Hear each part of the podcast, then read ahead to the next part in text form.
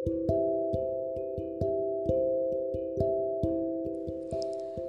Yorobun, balik lagi di podcast Romantika Romantis bersama Tika. Jadi kali ini aku kan bacain part 9, tapi nanti uh, tapi nanti kalau misalnya emang kayak part 9 nya pendek lagi nih, aku bakal lanjut ke part 10 sama part 11 ya. Nah, Terus pesan satu, pesan lagi buat kalian yang masih umur di bawah 18 please ya. Kalian tuh kurang bagus untuk dengerin uh, cerita aku ini ya. Jadi nanti kalian uh, aku akan bikin cerita lain. Jadi kalian bisa dengerin sepuasnya dengan tanpa uh, adegan dewasa. Seperti itu ya. Oke kita langsung saja ke part 9 relationship Akhirnya mereka memutuskan pulang karena waktu sudah menunjukkan jam 6 pagi. Stephen pulang dengan keinginan kembali pada saat jam makan siang. Tori hanya pulang cuci muka, sikat gigi, ganti baju dan pergi ke kantor glitter. Karena takut ngantuk di jalan, Tori memutuskan pergi dengan bis. Sepanjang hari, Tori bekerja seperti zombie. Ia kurang tidur dan pikirannya bercampur aduk. Dengan mata panda, ia mempersiapkan rencana pemotretan untuk dipersiapkan oleh bagian logistik. Memeriksa beberapa kali, Tori berjalan terhuyung ke tempat Budiman. Loh, kenapa Thor? Tanya Budiman kaget. Tori hanya tersenyum dan menggeleng. Hanya kurang tidur. Ini tolong dicek ya. Tori memberikan properti kebutuhan pemotretan. Kalau kurang sehat, pulang aja Tor, nggak apa-apa. Budiman menetapkan Tori was-was. Tori akhirnya menyerah lalu mengangguk mengikuti saran Budiman. Bergumam terima kasih, Tori keluar dari ruangan dan langsung berberes di mejanya. Ia lelah, banyak pikiran, dan masih sangat cemas memikirkan Erika dan ia tidak terbiasa menceritakan masalahnya dengan orang lain. Mengeluhkan kondisinya pada orang lain, Tori biasa melakukan segalanya sendiri. Menanggung perasaannya sendiri, bukan karena ia tidak butuh orang lain, tapi karena ia terbiasa. Tori melambai pada teman-teman glitter yang sudah mulai kenal dan akrab. Hanya menjawab kalau ia izin karena kurang sehat pada rekan yang bertanya. Ia tak mau menghubungi Errol atau Sisi untuk menjemputnya, karena mereka juga pasti lelah. Sambil bersandar di dalam lift, Tori tidak sadar kalau lift itu naik bukan turun. Karena ia bersandar di bagian belakang, ia tidak sempat keluar atau memencet menuju lantai bawah. Jadi ia pasrah. Tori bersandar dengan mata terpejam, tapi mustahil untuk bisa tidur. Kepalanya sakit tapi cukup mampu untuk pulang sendiri. Dan Aro masuk bersama Paul. Pria itu menatap Tori, tapi Tori hanya menatapnya sekilas lalu memejamkan mata sambil bersidekap dan bersandar tanpa berusaha menegur Aro. Ia ingat keputusannya untuk tidak bicara pada Aro kecuali soal pekerjaan. Karena ia memejamkan mata, Tori tidak tahu apa Aro menatapnya atau tidak. Tapi jantungnya berdegup kencang dan bulu kuduknya meremang. Tori bertahan tidak membuka matanya.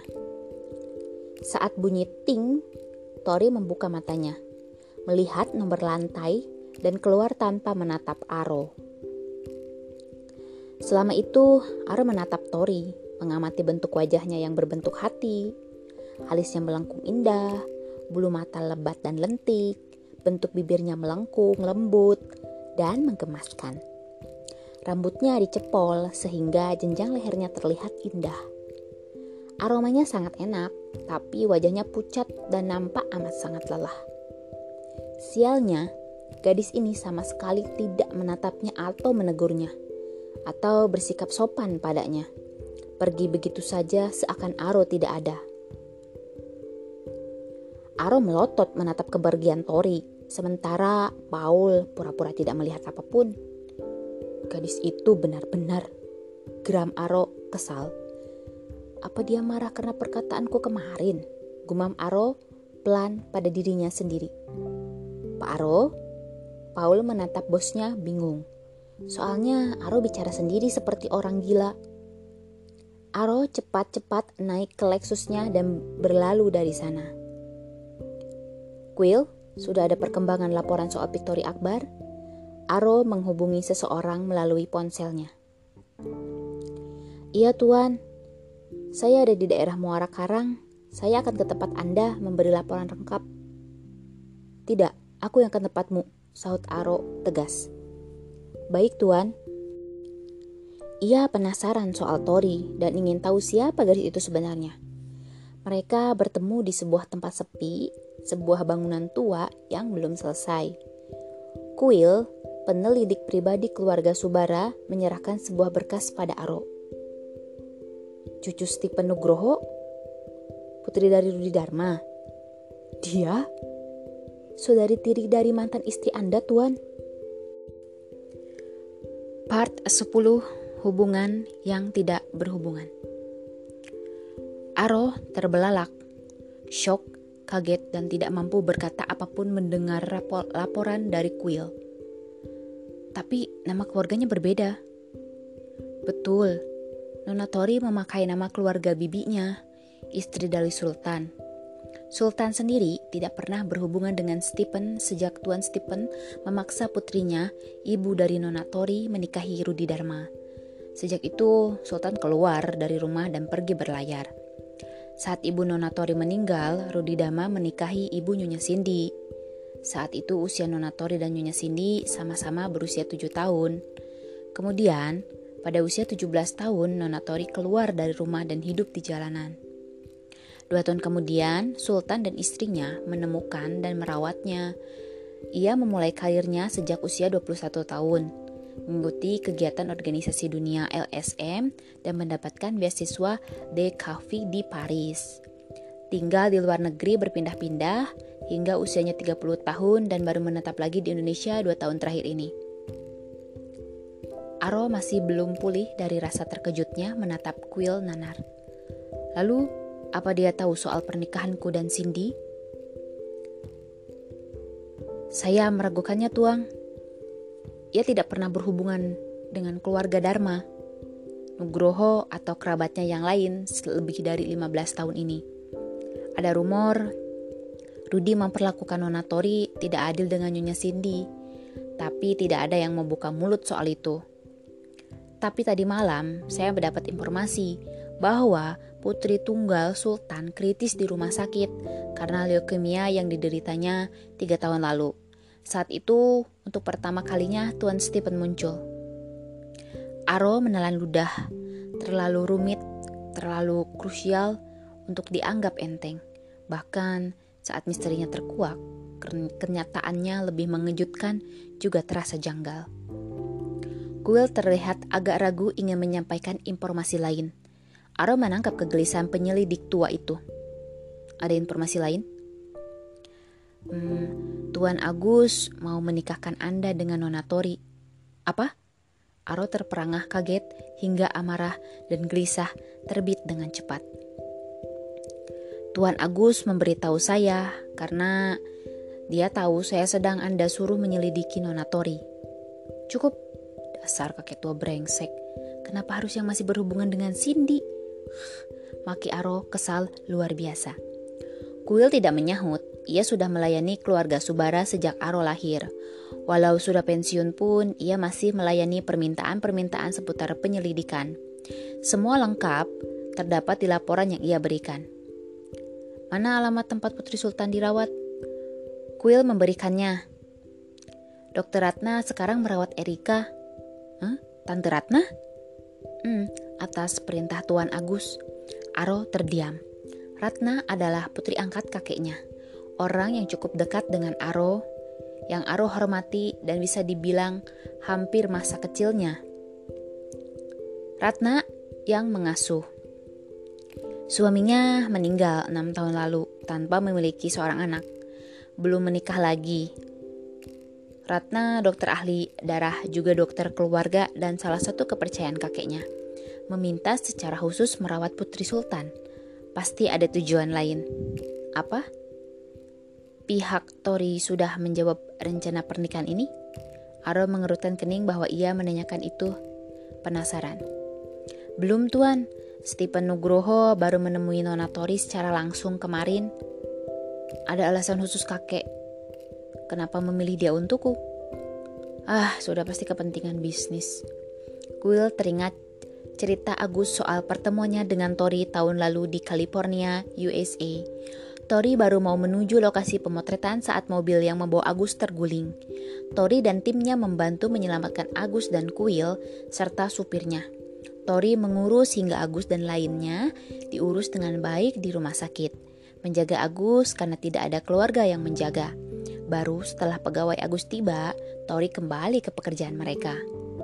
Menurut Agus, ia melihat gadis yang sangat perhatian, baik, dan patuh. Serta penuh kasih. Agus waktu itu bilang supaya Tori jadi cucu menantunya saja. Tori tertawa dan merapikan selimut sambil menepuk pundak Agus lembut tanpa mengatakan apa pun.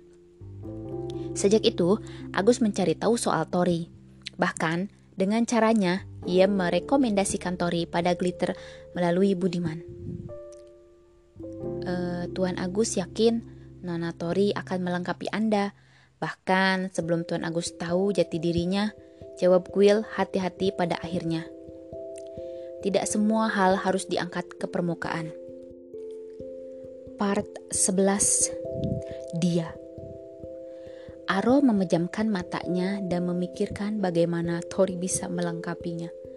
Perempuan kasar, ketus, preman sinting, tidak ada unsur perempuan dalam dirinya.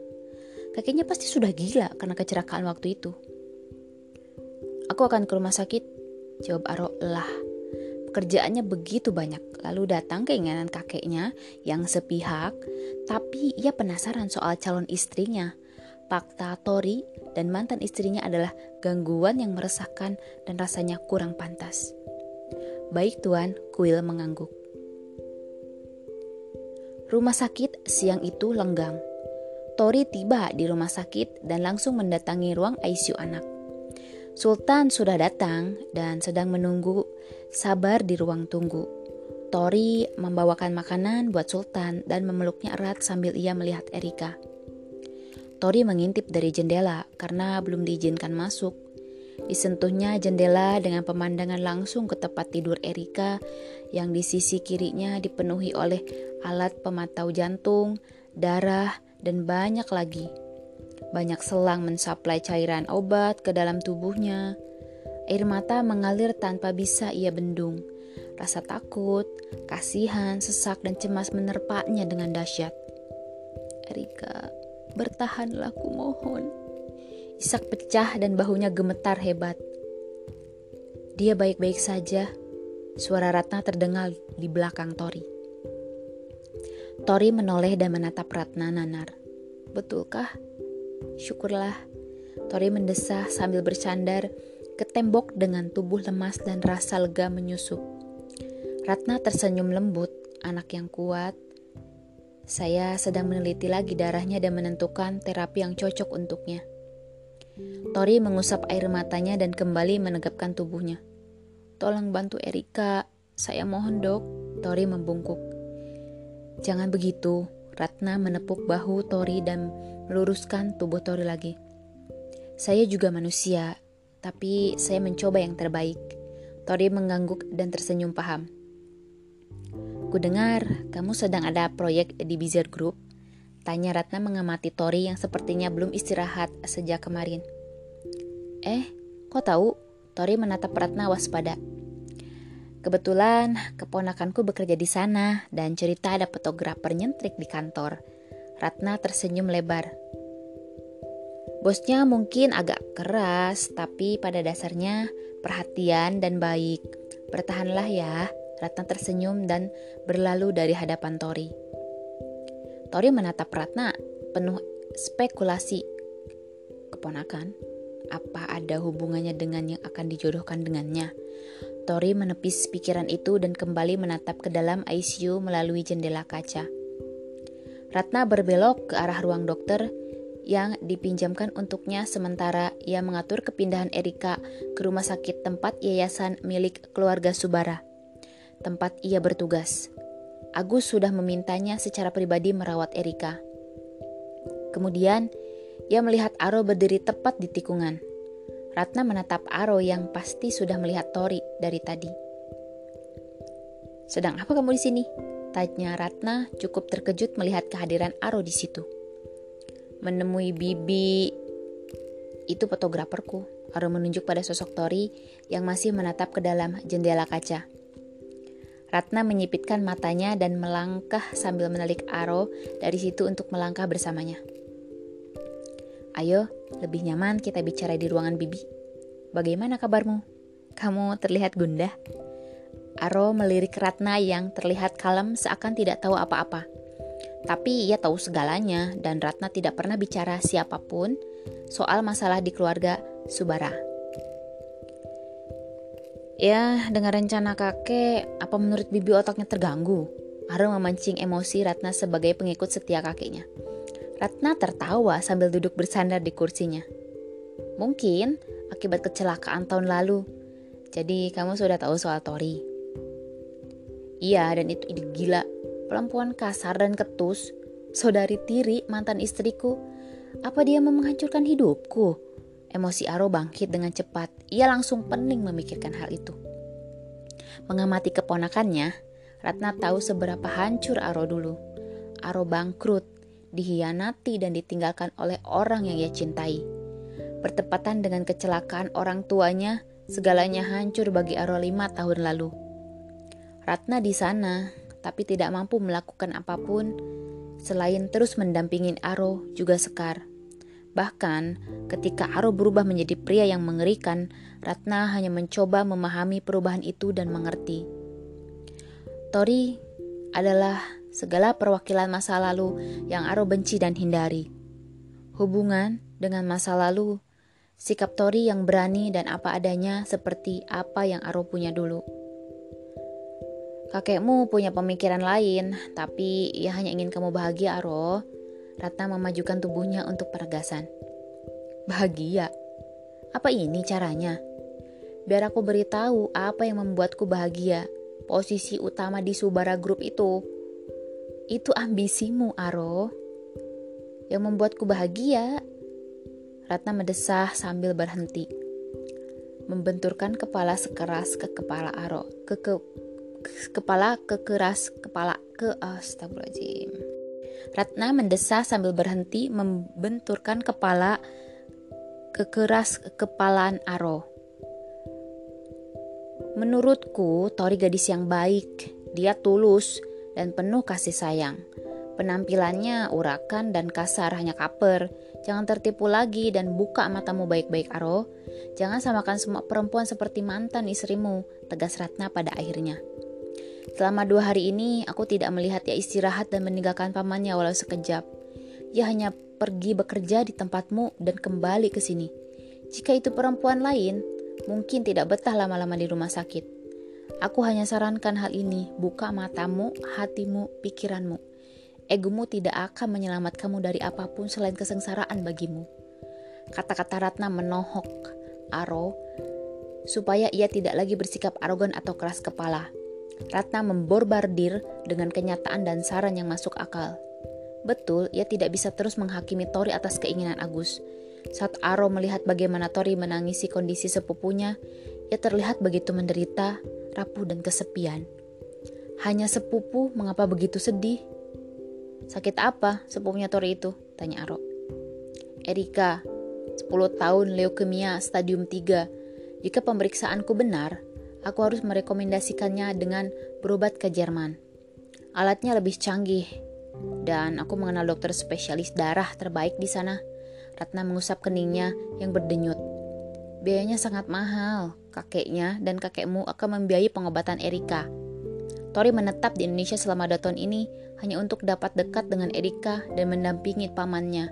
Juga menolong bisnis pamannya yang, mulang, yang mulai krisis karena biaya pengobatan Erika yang mahal. Coba pikir Aro, ia baru memulai karirnya di Indonesia, tapi harus menanggung begitu banyak masalah. Tapi dia pewaris bisnis kakek dan ayahnya. Aro mengerutkan kening. Kau tidak diberitahu. Tori sudah tidak berhubungan dengan keluarganya selama 15 tahun. Ia dirawat pamannya 10 tahun terakhir. Pamannya juga memutuskan hubungan dengan keluarga sejak 20 tahun lalu.